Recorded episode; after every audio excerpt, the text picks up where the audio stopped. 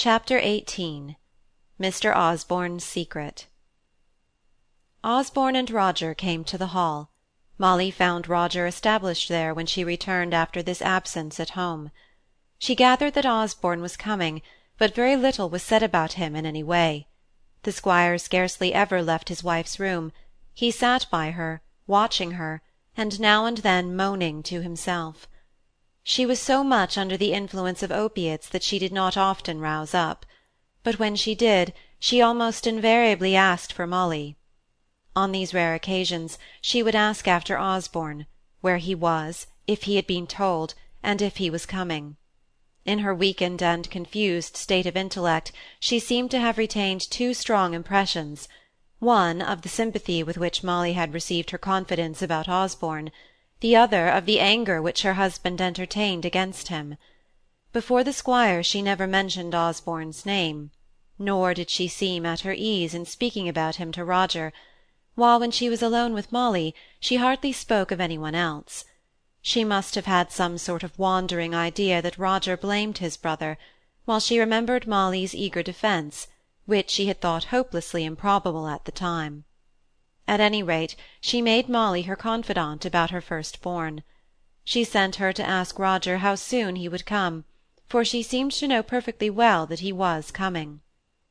"Tell me all Roger says. He will tell you." But it was several days before Molly could ask Roger any questions, and meanwhile Mrs. Hamley's state had materially altered. At length Molly came upon Roger sitting in the library, his head buried in his hands. He did not hear her footstep till she was close beside him. Then he lifted up his face, red and stained with tears, his hair all ruffled up and in disorder. "I've been wanting to see you alone," she began. Your mother does so want some news of your brother Osborne. She told me last week to ask you about him, but I did not like to speak of him before your father." "She has hardly ever named him to me." "I don't know why, for to me she used to talk of him perpetually. I have seen so little of her this week, and I think she forgets a great deal now. Still, if you don't mind, I should like to be able to tell her something if she asks me again." He put his head again between his hands, and did not answer her for some time. "What does she want to know?" said he at last. "Does she know that Osborne is coming soon, any day?" "Yes, but she wants to know where he is." "I can't tell you. I don't exactly know. I believe he's abroad, but I'm not sure." "But you sent papa's letter to him?" I've sent it to a friend of his who will know better than I do where he's to be found. You must know that he isn't free from creditors, Molly. You can't have been one of the family, like a child of the house almost, without knowing that much. For that and for other reasons I don't exactly know where he is." "I will tell her so. You are sure he will come?" "Quite sure. But, Molly, I think my mother may live some time yet. Don't you? Dr. Nicholls said so yesterday when he was here with your father. He said she had rallied more than he had ever expected. You're not afraid of any change that makes you so anxious for Osborne's coming?" "No, it's only for her that I asked. She did seem so to crave for news of him. I think she dreamed of him, and then when she wakened it was a relief to her to talk to me about him. She always seemed to associate me with him. We used to speak so much of him when we were together." "I don't know what we should any of us have done without you. You've been like a daughter to my mother." "I do so love her," said Molly softly. "Yes, I see. Have you ever noticed that she sometimes calls you Fanny? It was the name of a little sister of ours who died. I think she often takes you for her. It was partly that and partly that at such a time as this one can't stand on formalities, that made me call you Molly. I hope you don't mind it?" "No, I like it. But will you tell me something more about your brother? She really hungers for news of him." "She'd better ask me herself. Yet no. I am so involved by promises of secrecy, Molly, that I couldn't satisfy her, if she once began to question me. I believe he's in Belgium, and that he went there about a fortnight ago, partly to avoid his creditors. You know my father has refused to pay his debts.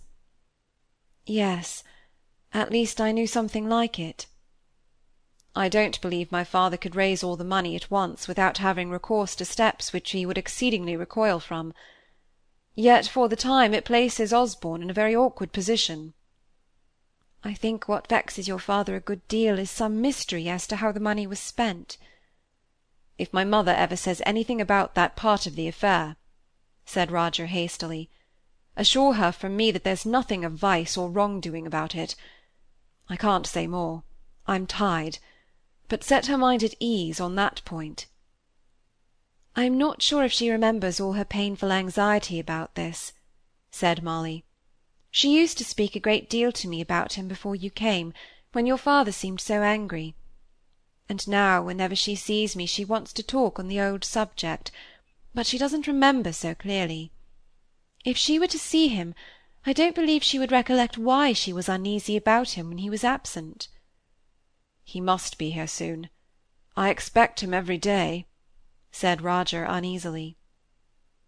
Do you think your father will be very angry with him? said Molly, with as much timidity as if the squire's displeasure might be directed against her. I don't know, said Roger. My mother's illness may alter him, but he didn't easily forgive us formerly. I remember once but that is nothing to the purpose. I can't help fancying that he has put himself under some strong restraint for my mother's sake, and that he won't express much. But it doesn't follow that he will forget it. My father is a man of few affections, but what he has are very strong. He feels anything that touches him on these points deeply and permanently. That unlucky valuing of the property! It has given my father the idea of post obits. What are they? asked Molly raising money to be paid on my father's death, which of course involves calculations as to the duration of his life. How shocking! said she. I'm as sure as I am of my own life that Osborne never did anything of the kind. But my father expressed his suspicions in language that irritated Osborne, and he didn't speak out, and won't justify himself even as much as he might. And much as he loves me, I've but little influence over him, or else he would tell my father all. Well, we must leave it to time, he added, sighing. My mother would have brought us all right, if she'd been what she once was. He turned away, leaving Molly very sad. She knew that every member of the family she cared for so much was in trouble, out of which she saw no exit, and her small power of helping them was diminishing day by day as Mrs. Hamley sank more and more under the influence of opiates and stupefying illness. Her father had spoken to her only this very day of the desirableness of her returning home for good. Mrs. Gibson wanted her, for no particular reason, but for many small fragments of reasons. Mrs. Hamley had ceased to want her much, only occasionally appearing to remember her existence. Her position, her father thought, the idea had not entered her head, in a family of which the only woman was an invalid confined to bed, was becoming awkward but Molly had begged hard to remain two or three days longer, only that, only till Friday. If Mrs. Hamley should want her, she argued, with tears in her eyes, and should hear that she had left the house, she would think her so unkind, so ungrateful. My dear child, she's getting past wanting any one. The keenness of earthly feelings is deadened. Papa, that is worst of all. I cannot bear it. I won't believe it. She may not ask for me again, and may quite forget me, but I'm sure to the very last, if the medicines don't stupefy her, she will look round for the squire and her children, for poor Osborne most of all, because he's in sorrow. Mr. Gibson shook his head, but said nothing in reply. In a minute or two he asked, I don't like to take you away while you even fancy you can be of use or comfort to one who has been so kind to you. But if she hasn't wanted you before Friday, Will you be convinced? Will you come home willingly? If I go then, I may see her once again, even if she hasn't asked for me? inquired Molly. Yes, of course. You must make no noise, no step, but you may go in and see her. I must tell you I'm almost certain she won't ask for you. But she may, papa. I will go home on Friday if she does not. I think she will.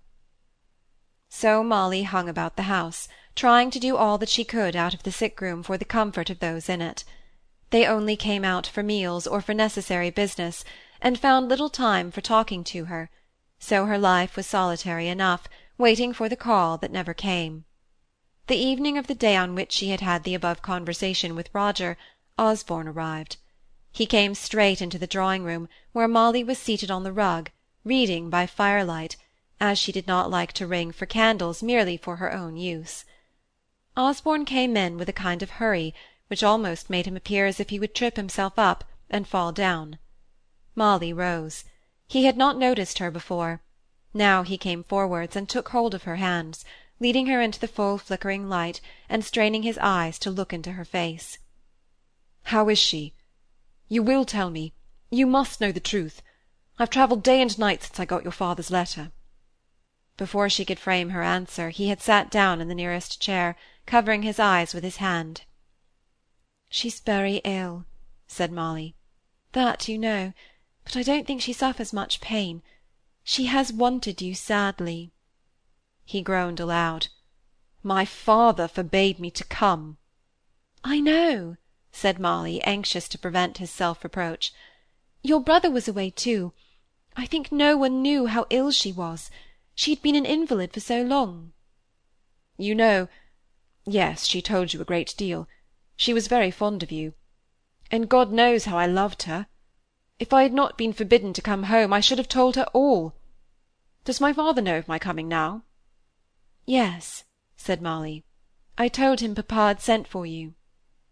Just at that moment the squire came in. He had not heard of Osborne's arrival, and was seeking Molly to ask her to write a letter for him. Osborne did not stand up when his father entered. He was too much exhausted, too much oppressed by his feelings, and also too much estranged by his father's angry, suspicious letters.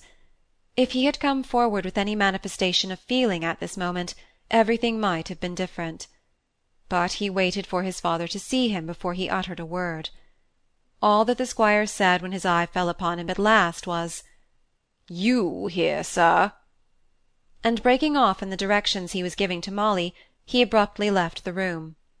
All the time his heart was yearning after his first-born, but mutual pride kept them asunder. Yet he went straight to the butler and asked of him when Mr. Osborne had arrived, and how he had come, and if he had had any refreshment, dinner or what, since his arrival. For I think I forget everything now, said the poor squire, putting his hand up to his head. For the life of me, I can't remember whether we've had dinner or not. These long nights and all this sorrow and watching quite bewilder me. Perhaps, sir, you will take some dinner with Mr. Osborne. Mrs. Morgan is sending up his directly. You hardly sat down at dinner-time, sir. You thought my mistress wanted something. Ay, I remember now. No, I won't have any more. Give Mr. Osborne what wine he chooses. Perhaps he can eat and drink. So the squire went away upstairs with bitterness as well as sorrow in his heart. When lights were brought, Molly was struck with the change in Osborne. He looked haggard and worn, perhaps with travelling and anxiety.